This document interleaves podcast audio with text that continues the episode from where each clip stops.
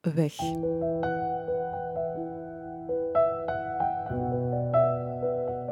Deze podcast begint omdat zoveel dingen eindigen. Omdat je onderweg zoveel kwijtraakt.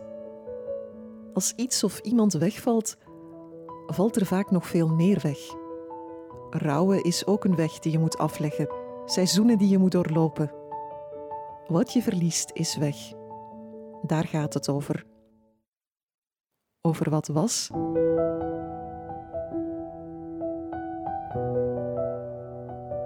en nu weg is.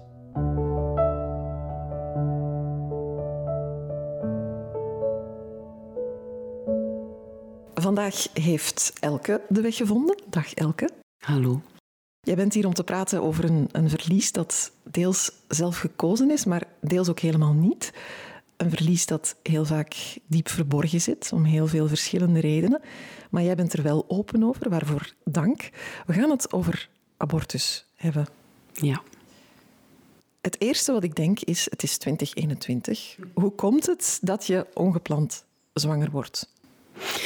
In mijn persoonlijke situatie, want ja, natuurlijk, uh, dat verschilt van persoon tot persoon. Bij mij persoonlijk kwam het door een uh, hormonale rollercoaster. Uh, waardoor dat ik uiteindelijk allerlei testen heb moeten doen en dat ik eigenlijk de diagnose kreeg van um, vervroegde menopauze. Wij, uh, wij hebben een dochtertje en ze is nu bijna vijf.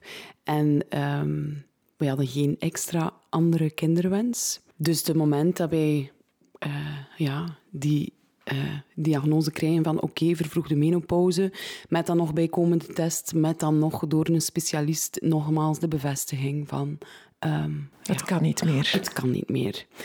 Na ongelooflijk uh, lange uitleg en alle complicaties die daarbij komen, uh, moest ik dan op mijn toen 35 uh, in menopauze gegaan zijn. Um, ja, als koppel hebben wij dan achteraf op het eind van al die info de, vraag, de simpele vraag gesteld: moeten wij ons dan nog beschermen? En dan heeft de gynaecoloog nogmaals het scherm gedraaid met alle cijfers. mijn het, ja, ik weet niet wat dat is, de vruchtbaarheid. Of, dat was niet meetbaar, dus dat was kleiner dan het kleinste, kleinste dan ze konden meten. Dus voilà. Dus je was er eigenlijk gerust in. Als een dokter of als twee dokters dat zeggen, dan gebeurt dat ja. niet. Ja. Maar... Maar, twee weken later bleek... Dat je zwanger was. Ja. En voelde je dat meteen? Um, ja, voelde ik dat meteen. Ik denk dat ik dat onbewust wel wist, want ik had een afspraak. Ik had sowieso regelmatig allez, enkele afspraken gepland staan, zowel bij de gynaecoloog als dan bij de specialist. Uh, en er was wel zo een afspraak waar dat ik naartoe moest, dat ik zoiets had van, ach nee, eigenlijk wil ik nu vandaag daar niet naartoe. Is dat dan omdat ik dat al wist? Ik weet het niet. Um, maar toen ben ik uh, alleen daar naartoe gegaan. Ik gezegd tegen mijn man, het is niet nodig, blijf maar thuis. Um, en toen, ja, ik was één week zwanger. Dus heel superpril. Ja. Ah ja, want we hadden net bevestigd gekregen van, oké, okay, ja, je, moet, uh, allez, je hoeft je niet meer te beschermen. Dus voilà, dat doen wij dan. Ons knal. beschermen. Boom. En uh, voilà, ja. En dan zit je daar, want je hebt een kindje, maar dat is een afgeronde kinderwens. Maar er zit er ook één in je buik. Ja. En dan moet je een beslissing nemen. Ja. Is dat daar is... ooit twijfel over geweest? Um, ja, dat is een beslissing die je neemt met twee. Ik denk dat de twijfel bij mijn man was.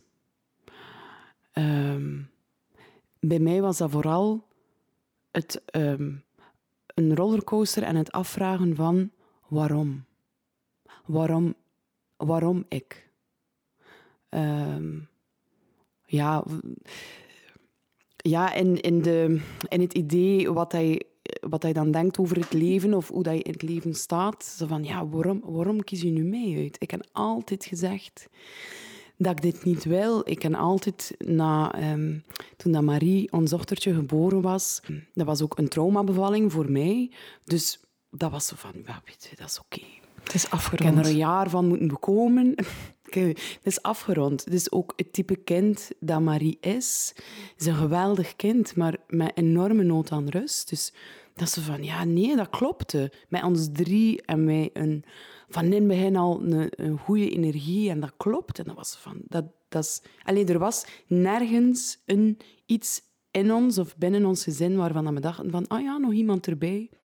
En had je ook niet ergens het gevoel van, oké, ik kon eigenlijk geen kinderen meer krijgen en toch gebeurt dit. Is dit een teken of zo? Ja, ja. Uh, er was één vriendin die dat zo benoemde, het moment dat ik toen nog zwanger was. Uh, van ja, allee, en nu heel die rollercoaster. En, ja. En dan, dan zei ik ook aan haar van ja, ik snap, ik snap dat je dat zo ziet en dat je dat even benoemt, maar voor mij voelde dat niet zo. Um, het blijft wel heel absurd dat het... Um, ja, achteraf bleek er dus van allerlei andere dingen aan de hand met mijn lichaam. Um, dus eigenlijk heb ik nu sinds een jaar terug mijn cyclus. Dus, dus het was, was, eigenlijk ook helemaal geen vervroegde menopauze nee. dan? Maar het absurde blijft wel dat in twee jaar is dat wel mijn allerenige ijsprong. Wow. Dus dat is het absurde. Ja. ja, dus waarom? Maar ja. Oké, je praat daar dan over met je partner. Ja. En dan neem je een beslissing die vooral ja. jouw beslissing is, of voor het grootste stuk? Samen. Samen, toch? Ja. En dan, wat is dan de procedure? Ga je dan naar de huisarts? Ga je onmiddellijk naar een abortuscentrum? Hoe gaat dat? Ja, uh, toen... Um, dus de moment, die woensdagmiddag bij de gynaecoloog, de moment dat, uh, dat hij op de echo ziet van... Oké, okay, uh, eh, ja, die mens wist natuurlijk ook niet waar gekropen, want ja... Hij had gezegd... Uh, twee weken ervoor. En dan dacht ik van, oké, okay, dat is nog maar een week. Want die kon dat ook nog niet, allee, die, die kon dat ook niet 100% zeggen op basis van de echo. Dat is dan een vermoeden van er is iets. En dan, ik eigenlijk, dan ben ik eigenlijk onmiddellijk naar het labo gereden om mijn bloed te laten testen. Maar ja, ongelooflijk in verdriet. Ik heb dan aan de mevrouw die mijn bloed heeft geprikt, heb ik mijn verhaal gedaan. Ja, je moet je ook de rollercoaster inbeelden. Op een maand en half tijd ga je van menopauze, volledige menopauze, geen kinderen, naar je bent zwanger. Dus ook dat was heel moeilijk om te vatten. En uh, dat was een hele lieve mevrouw. En die zei aan mij van, uh, weet we zijn open tot acht uur. Bel ons om tien voor acht. En dan gaan we het al weten. En dan had ik eigenlijk ook al aan de gynaecoloog de vraag gesteld van ja goed, oké, ik ga nu mijn bloed gaan laten trainen. Stel dat zo is, kan ik dan morgen terugkomen bij jou? Is er iets dat ik kan nemen? Is er iets... Daar, ik stond daar toen eigenlijk op die eerste moment niet besteld dat dat via het abortuscentrum ging gaan. Omdat ik dacht van dat is een week. ik kan een pilletje nemen en het is... Ja, niet van een pil... Maar ja, je denkt toch zo van ja... Allee. Dus dat was eigenlijk ons eerste zo van want we hebben een enorm lange wachttijd gehad, net omdat ik het al zo vroeg wist. En wat is een enorm lange wachttijd? Vier, vijf weken. dat zijn lange weken, neem ik aan. Dat zijn hele lange weken, ja. Weken waarin je dan toch begint te twijfelen soms? Of helemaal niet? Ja, hadden, ik wou de beslissing nemen vanuit mijn hart. Dus iedere dag ga je van je hoofd naar je hart, van je hoofd naar je hart. En vraag je af van, wat, wat is nu het juiste? Want met je hoofd denk je natuurlijk, ja, ik moet dat hier, je leg jezelf dat op dat je dat moet kunnen. Van, ik, ik moet daar nu toch draagkracht voor hebben om dat wel te kunnen. Een tweede kindje. Ja. En dan ja, voel je met je hart van, nee, eigenlijk is het oké zo. En ehm, oké zo in de mate van, oké, dat, is, dat is mijn draagkracht. Dat kan ik. Ik kan een heel aanwezige mama zijn voor één kind, dan ben ik trots op de mama dat ik ben. Als er daar nog meer prikkels bij komen, als er daar nog meer, dan ga ik een deel van de mama dat ik nu ben, dat ik zo graag ben, met zoveel liefde, dat ga ik verliezen. En dan is de dag daar dat je naar het abortuscentrum mag? Ja. Je bent daar niet alleen naartoe gegaan, neem nee. ik aan? Nee. nee, we hebben dat eigenlijk, uh, heel dat proces, hebben we altijd met twee gedaan. Um, ja, we zijn, ik was dan drie weken zwanger. Dus je mag eigenlijk ook maar pas naar het abortuscentrum gaan, de moment dat ze op de echo kunnen bevestigen dat je zwanger bent. Dus de moment dat ik bel naar de abortuskliniek, is het antwoord, ja mevrouw, gaat twee weken moeten wachten, want op één week kunnen wij hier de procedure niet Doen. starten. Ja, dus aan drie weken. En dat is een plek, ja, heel maf, maar dat is een plek waarvan je nooit denkt Dat je daar gaat komen. dat je daar gaat komen. En wat voor sfeer hangt er op die plek? Hmm. Ja. Wat voor sfeer hangt er? Een ehm, raar. ehm, mooi wel om te zien is dat abortus is een thema voor iedereen. Er is geen. Geen eh, Onderscheid tussen klas, rang, stand. Nee, er is ook geen type vrouw die daar zit. Er is ook geen leeftijd. Ik heb daar jonge meisjes gezien, jonge meisjes met mama, jonge meisjes. Met dan ook een jonge partner. Vrouwen alleen, vrouwen van mijn leeftijd alleen. Eh, tot zelfs één keer, ja, in totaal ben ik drie keer in het abortuscentrum geweest. Tot zelfs ook een keer een gezin, die, allee, een man en een vrouw die een kindje ook mee had. Eh, nog een heel klein babytje in een buggy, dus ja. Ja, nee, het is geen... ehm, Je zegt, je bent daar drie keer naartoe geweest. ja. Omdat ik denk, psychologische gesprekken eerst misschien. Voor de er eerste, echt... keer, de, de eerste keer is een, ehm, een gesprek ehm, om te kijken van oké, eh, ben je zeker van de beslissing? Wil je de eh, papieren ondertekenen zodanig dat dan de wettelijke wachttijd start? En dan eh, moet je terug naar de wachtzaal en dan moet je bij de gynaecoloog. Voor dan de echo. Wat me niet makkelijk lijkt, want dan wordt er iets concreter toch als je dat dan daar ziet. Ja. ja, en ik had ook op voorhand met mijn man gecommuniceerd in de wachtzaal van, omdat ik dat wist, ehm, ik weet niet meer waarom dat ik dat wist, maar de, het scherm van de echo staat weggedraaid van de vrouw in een abortuscentrum. En ze vragen eigenlijk of dat je het wil zien of niet. En, en ik had wel zoiets van mezelf, ook omdat ik nooit in ontkenning ben geweest eh, van mijn zwangerschap, wist ik wel van, ja, ik wil wel het scherm zien. Ehm, en had ik wel op voorhand aan mijn man gezegd van ja, als hij zoiets zegt van ja, ik wil dat liever niet zien, dan moet je misschien ook niet mee naar binnen. Allee, dan wordt dat misschien te confronterend, maar dan was het ook voor hem wel oké. En hebben we dat dan wel samen gedaan, ja. En dan komt de dag dat je echt zwanger binnengaat en niet zwanger buiten komt. Ja, Doet het pijn? dat is misschien heel absurd om te zeggen, maar natuurlijk doet dat pijn. Dat is een ehm, verschrikkelijke dag, maar ik kan denk ik een beetje door mijn leeftijd en het feit dat ik al een bevalling had gehad, heb ik eigenlijk kunnen vragen om thuis te zijn. Dus ik heb gekozen voor de abortuspel. Wat, tot kon omdat het weken- nog zo vroeg was, neem ja, ik tot aan, acht ja. weken kun je de abortuspel. Nu, normaal is de abortuspel ook in het abortuscentrum. En ik zag dat niet zitten, omdat je dan ook maar vier uur in dat centrum mag zijn.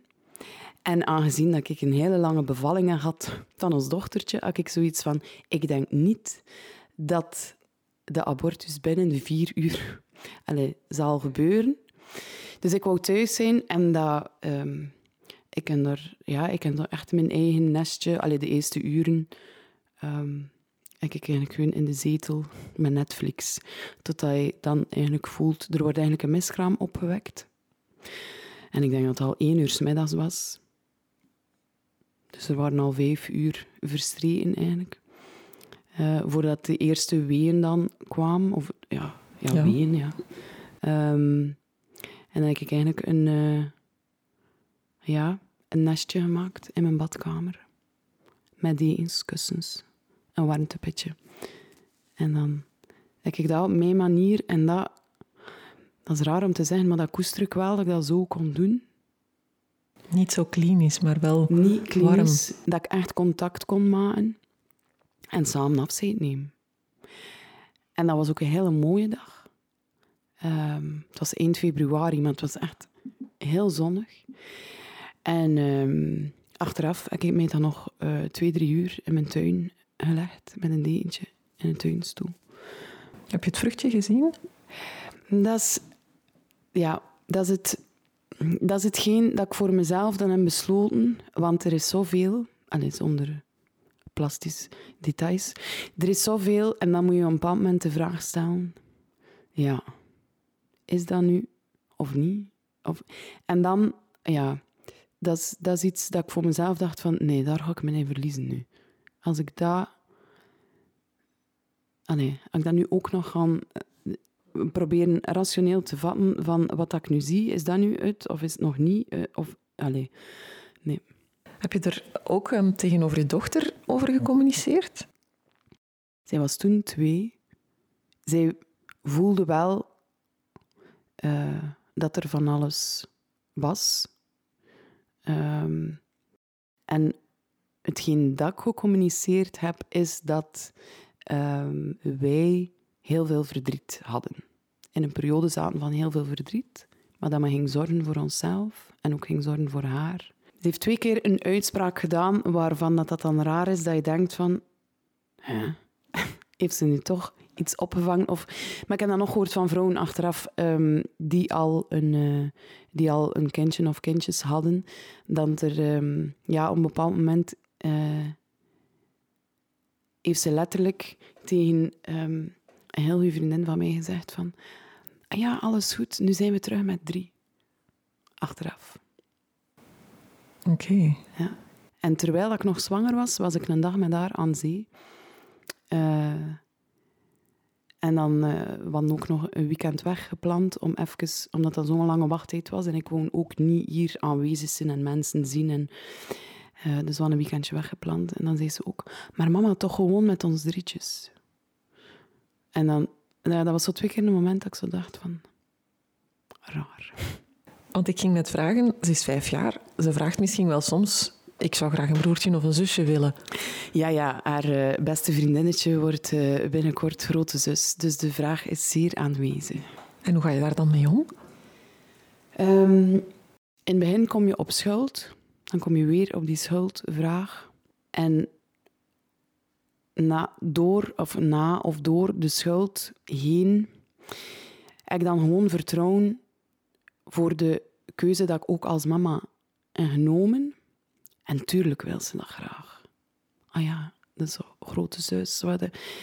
Maar dan iedere dag, allez, ze is nu bijna vijf, um, ze zit in de tweede kleuterklas, maar ze blijft nog altijd zeker één dag in de week thuis. Um, dat is niet voorspelbaar. Dat dan wordt ze wakker en dan zegt ze: Ik wil vandaag niet naar school, ik wil een rustdag. En op die momenten denk ik: ik denk dat hij achteraf gaat blijven. Of ja, ik weet niet of ze dat ooit achteraf, dat is allemaal af te wachten, maar op die moment weet ik gewoon van, dat was het juiste, ook voor jou. En hij, tuurlijk ging hij ook overleefd en met nog een broer of een zus erbij.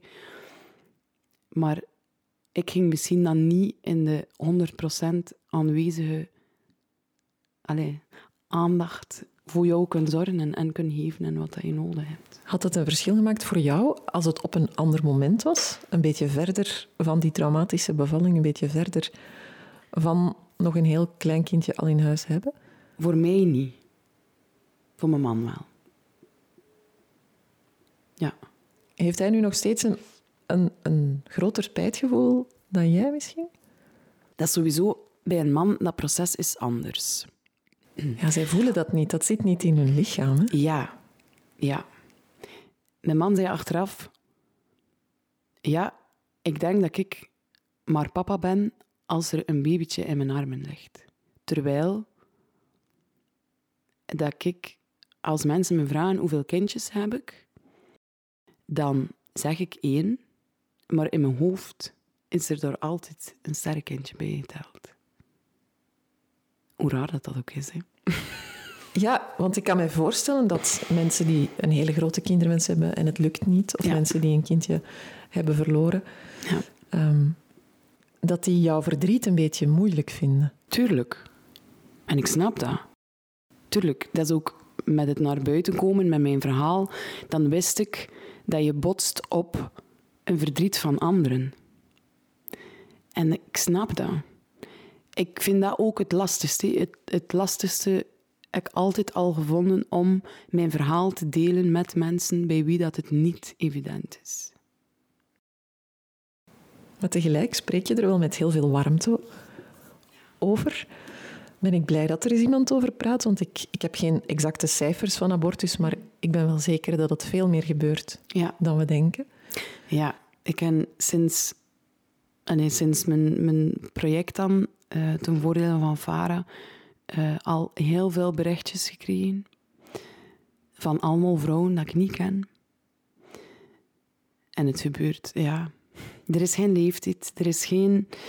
Ja, Farah, daar gaan we het nog over hebben, dat is een VZW. ja. Kan je even uitleggen wat zij doen? Ehm, zij begeleiden bij zwangerschapskeuze, zowel in de periode, allee, in de periode eh, voor abortus, ehm, maar ook erna. En erna is dan waar dan ze voor mij heel betekenisvol zijn geweest. Want je hebt dat hele verhaal doorlopen en dat ging eigenlijk goed.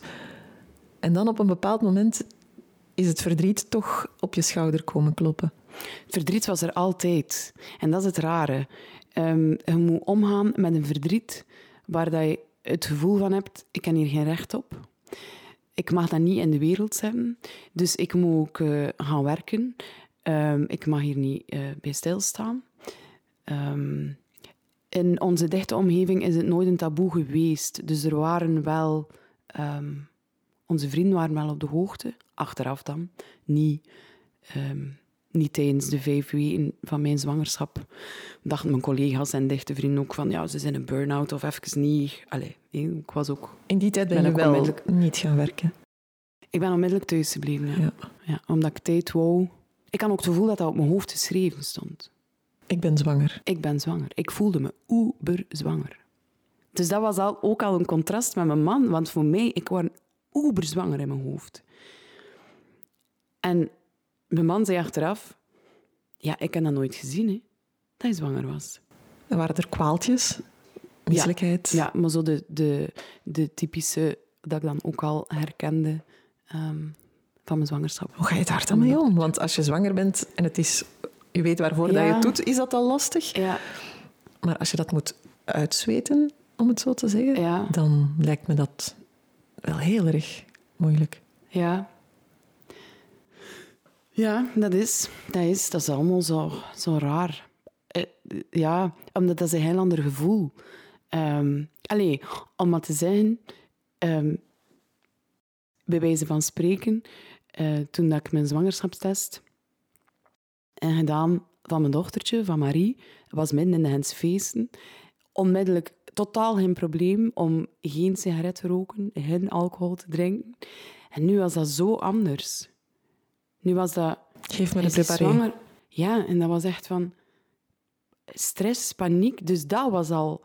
Vanaf seconde één is dat zo'n andere beleving. Waar dat je bij de eerste zwangerschap... Wow, en iedereen opbelt. Yay! Is dat nu... Allee, ik kan ook... Die een van de eerste dat ik belde is mijn mama. Al huilend. Van mama, allee... nee, maar dat is zo anders. Snap je? Want bij mijn eerste zwangerschap was mijn mama ook een van de eerste dat ik belde. Maar zo van, mama! Maar toen was het de bedoeling. Ja. Dat is sowieso een hele andere beleving. Hè? Je zei daarnet, ik heb het gevoel dat ik geen recht had of heb Ja. op dat verdriet. Heb je ja. dat gevoel nog altijd? Ehm, ehm, veel minder. Het gevoel komt ongelooflijk sterk naar boven binnen een context van wat hij zei daarnet. Bij mensen waarbij dat het moeilijk gaat. Bij mensen die een kindje hebben verloren. Daar heb ik nog altijd het gevoel dat dat... Ik weet dat dat er naast mag staan, maar nee. Dat, ja. Dat Dus is in die context vind ik dat nog steeds, ja.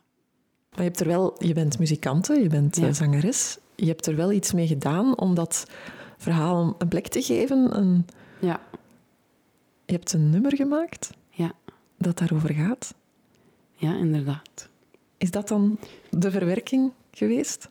Ehm, een rouwproces is een ajuin, denk ik, dus dat is een schaal van mijn ajuin. Ik kan wel achteraf zeggen dat het, denk ik, wel een dikke schaal van mijn ajuin is. Allee, dat wel heel veel. Niet alleen het schrijfproces, maar ook het uitbrengen en dan alle verbinding dat ik gevoeld heb met de vrouwen die dan mij gecontacteerd hebben via privéberichten, um, ja, was heel deugddoend. Want dat lijkt me moeilijk. Ik, had al, ik heb een, een vroeg zwangerschapsverlies gehad. En toen ik daar open over was, kreeg ik plots heel veel vriendinnen die dat ook hadden meegemaakt, maar daar nooit over gebabbeld. Ja. Ik kan me voorstellen dat dat bij abortus nog een veel groter taboe is. Dus waar moet je dan naartoe om lotgenoten te vinden? Want niemand begrijpt jou zo goed, denk ik, als iemand die het ook heeft meegemaakt. Ja, en dat was mijn redding. Um, lotgenoten. Ja. En hoe vind je die? Dat was dan via de VZW? Ja, heel toevallig. Een goede vriendin van mij die op de hoogte was van ons verhaal. Die had een, flyer gevonden van Farah over een, een lotgenotenavond. In Antwerpen was dat. Ehm, en ik heb dan mij onmiddellijk daarvoor ingeschreven. Ben ik daar met een heel klein hartje naartoe gegaan. zo van ja... Zo echt zo heel stilletjes en zo een plekje zoeken om te zitten. Dat was met nog tien andere vrouwen in een cirkel. En was ook met een ritueel en dat, dat was echt mijn redding. Ik heb dat, en dat ook gezegd op het eind van de avond. Ben ik naar Kathleen van Farah gestapt. En heb ik gezegd van, amai, ik moet ik niet gaan werken. Ik moet maandag naar mijn huisarts gaan en vragen om me thuis te zetten. En ik moet hierbij stilstaan. Ja, want je zegt, dat was mijn redding. Want wat was er dan met jou aan het gebeuren? Was je aan het afglijden of, of zat je... je... Je heeft dat geen plaats. Dus je zit in dat... Ja, het was sowieso heel kort, twee maanden. Ik ben dankbaar dat dat maar twee maanden was. Maar dat is wel twee maanden waarin dat je... Ja, waarin dat je jezelf dat recht niet geeft. Waarin dat je... Um, dat niet ziet als een rouwproces, omdat je zoiets hebt van, ja, ik heb er zelf voor gekozen. Dus dat is zo heel raar. Ehm, ja, dus je geeft jezelf geen plek in dat verdriet. ja, binnen onze relatie was dat dan ook lastig. Dat werd zo wat de olifant in de ruimte, waar dat er dan niet meer werd over gesproken. En ja, zo dat. En kan dat nu wel? Of is het nu gewoon afgesloten? Nee. Nee, er zijn nog altijd momenten ja, dat, dat wel, dat daar wel over praten, over die periode, over die... Ehm, ja, dat doet sowieso ook wel heel veel als koppel, om dat samen... Ja, dat lijkt me wel een stevige relatietest ook. Ja. om dat door te maken. Ja. Als je dochter wat groter is en zij stelt daar vragen over, ga je dat dan zo vertellen zoals je het nu tegen mij vertelt? Ja. ja. Alles maar dat ze weet dat ze dat helemaal niet in stilte moet doen. Dat Moest dat gebeuren. Wat ik niet wens. Ehm, ja, ja, ik ga er dat wel zijn. Is er nog iets wat dat je wil zeggen tegen andere mensen die het ook meemaken of die er misschien voor staan of voorgestaan hebben? Ja, de kracht. En de kracht die zit in de verbinding met lotgenoten. Dat is zoveel waard. En dat, ja, dat biedt um, Vara. Die organiseren hele mooie avonden. En, alleen nu, in de corona, is dat dan online, een online samen zijn. Maar ik heb zowel een lotgenotenavond gedaan, als dan ook nog uh, drie avonden gespreks... Um, allee, zo met drie andere vrouwen drie avonden samenkomen. Onder begeleiding ook van Kathleen van Vara. Um, en dat is zo deugddoend, omdat je...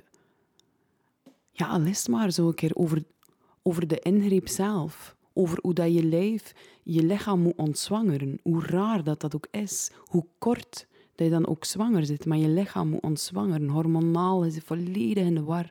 Gewoon om een keer te horen van... Ah, maar is dat bij jou ook? Maar ja, bij mij is dat ook. Zo dat, zo dat emotionele, dat delen, heb je ook veel aan. Um, Eigenlijk is het vreemd dat Farah niet in het abortuscentrum wordt aangeboden dan. Ja, dat is heel vreemd. Dat lijkt me toch een logische... Dat lijkt me ook een heel logische. Ze doen dit niet omdat ze niet het gevoel willen meegeven dat het lastig is achteraf. Kan het niet lastig zijn? Ja. Ik denk, als je daar niks bij voelt, dan, zou, dan zou ik mij vragen stellen. Ja, ja kan. Hè. Het is niet voor iedere vrouw een rouwproces achteraf. Maar ik denk van, allee, ehm, het kan zo simpel zijn. Zelfs in een abortuskliniek, zonder gelinkt te zijn aan FARA. Richt daar een ruimte in. Met een zetel, met een tafel. Leg daar een boek. Iedere vrouw is daar welkom. Je kunt daar binnen stappen. Zonder te moeten inchecken of zonder te moeten zeggen... Ik zie hier, ik ga nog even in de ruimte. Gewoon... Dan denk ik, dat is toch simpel? Creëert binnen een abortuscentrum een ruimte dat je als vrouw kunt binnenstappen. Dat je iets kunt neerpennen in een boek dat andere vrouwen kunnen lezen. Met wat muziek, of ik weet niet, misschien heb je dan toevallig het toeval of het geluk dat er een andere vrouw of een andere meisje aanwezig is. Op dat moment dat hij ook kiest van, ik ga nog even langs, ik wil er nog even bij stilstaan. Dat is toch niet zo moeilijk, denk ik dan. Had jij het gevoel in dat centrum dat je een beetje veroordeeld werd of zo? Nee, niet veroordeeld, maar er is niets achteraf. Er is niets Er is achteraf. geen nazorg. Er is geen nazorg. Ik ben enorm goed... Be... Ja, ik heb ook nog complicaties gehad achteraf. Ik ben enorm goed begeleid geweest in alles dat er geweest is. Had ook altijd andere mensen, want dat draait op vrijwilligers. Dus dat was allemaal heel liefdevol, heel zorgzaam. Maar er is geen nazorg. En dat is wel nodig. En dat is echt nodig. En dat, opnieuw, dat hoeft niet voor iedere vrouw zo te zijn. En ik ken ook geen oordeel over een vrouw waarvoor dat, dat niet zo is. Maar er zijn er een hele hoop voor wie dat, dat wel echt nodig is.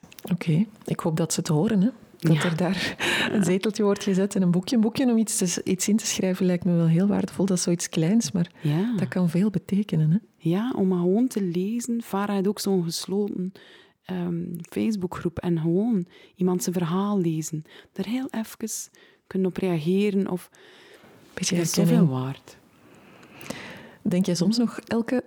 Ik heb nu een dochter van bijna vijf. Ik had er hier nog eentje kunnen rondlopen. Ehm, Of is dat nooit een kindje geworden van, van die omvang in jouw hoofd? Nee, dat is eigenlijk, eigenlijk een zieltje. Die heel eventjes hallo is komen zijn. En die voor altijd wel deel gaat zijn van mij, want er is een voor en een na. Er is niet hetzelfde. Er is een voor en een na. Dat zit in je rugzak en dat weegt. Met momenten. En met de tijd weegt dat lichter, maar dat is aanwezig. Sowieso altijd. Maar voor mij is dat een zieltje. Een zieltje. Ja. Bij jullie drievuldigheid. Ja, ja. Even daar komen eh, boven vliegen. Ik heb eh, belangrijke dingen eh, geleerd. Ik hoop met mij mensen die ook luisteren. ja. Ehm, ik hoop dat we taboe een beetje doorbroken Ik hoop hebben. het. Kleine steentjes. Kleine steentjes. Mm. Voilà. Ehm, het nummer dat jij eh, gemaakt hebt, dat kan je downloaden ter voor, ten voordele van eh, Ja. VZ2 Vara. Want begrijp ik het goed dat ook het abortuscentrum op vrijwilligers draait? Zei je dat net? Ja, ik weet niet. Het is toch bij de gynaecologen. Ik, ik, ik ken altijd iemand anders gezien. Dus dat, die doen zo eh, shifts op dagen. Of dat dat dan vrijwillig is of niet, dat weet ik. Dat kan ik me niet. Moet je daarvoor betalen? Rare vraag misschien, maar Ja, je krijgt een rekening. ja. Maar er is wel een sociaal tarief. Allee, dat was nu niet voor ons. Maar ik weet wel dat er een. eh, Vreemd. Allee, ja, nee, logisch op zich, Ja, maar, ja, ja, ja. maar toch ook raar. Ja, het was raar, want dat was onlangs iemand ook die dat vroeg. En ik was dat eigenlijk vergeten. En toen viel me in, jawel, jawel, wij hebben daar... Toen dat we de eerste keer daar zijn geweest, ja, moet daarvoor betalen. Ik, ik zie aan jou dat er ongelooflijk veel gevoelens gepaard gaan met, met heel dit verhaal. Ehm, maar wat ik toch echt heel mooi vind, is dat er zoveel warmte... ehm, ja, dat ik zoveel warmte voel als je erover vertelt. Ja. Ja, dat is het... ehm, Ja, alles wat je meemaakt in je leven, hoe zwaar soms ook, kan soms ook op een rare manier een cadeau zijn. Dat is zo... Wat, dat, want dat heeft mij wel heel veel gegeven ook. En dat maakt dat ik bijvoorbeeld in mijn mama zijn nog Bewuster. bewuster mama ben. En nog aanweziger en nog... Ze is me nog zo dierbaar. Ja. Dat is mooi. ja. Heel erg bedankt, Elke, om, uh, om er zo open over te vertellen, over jouw weg. Ja, heel graag gedaan. Dank je wel.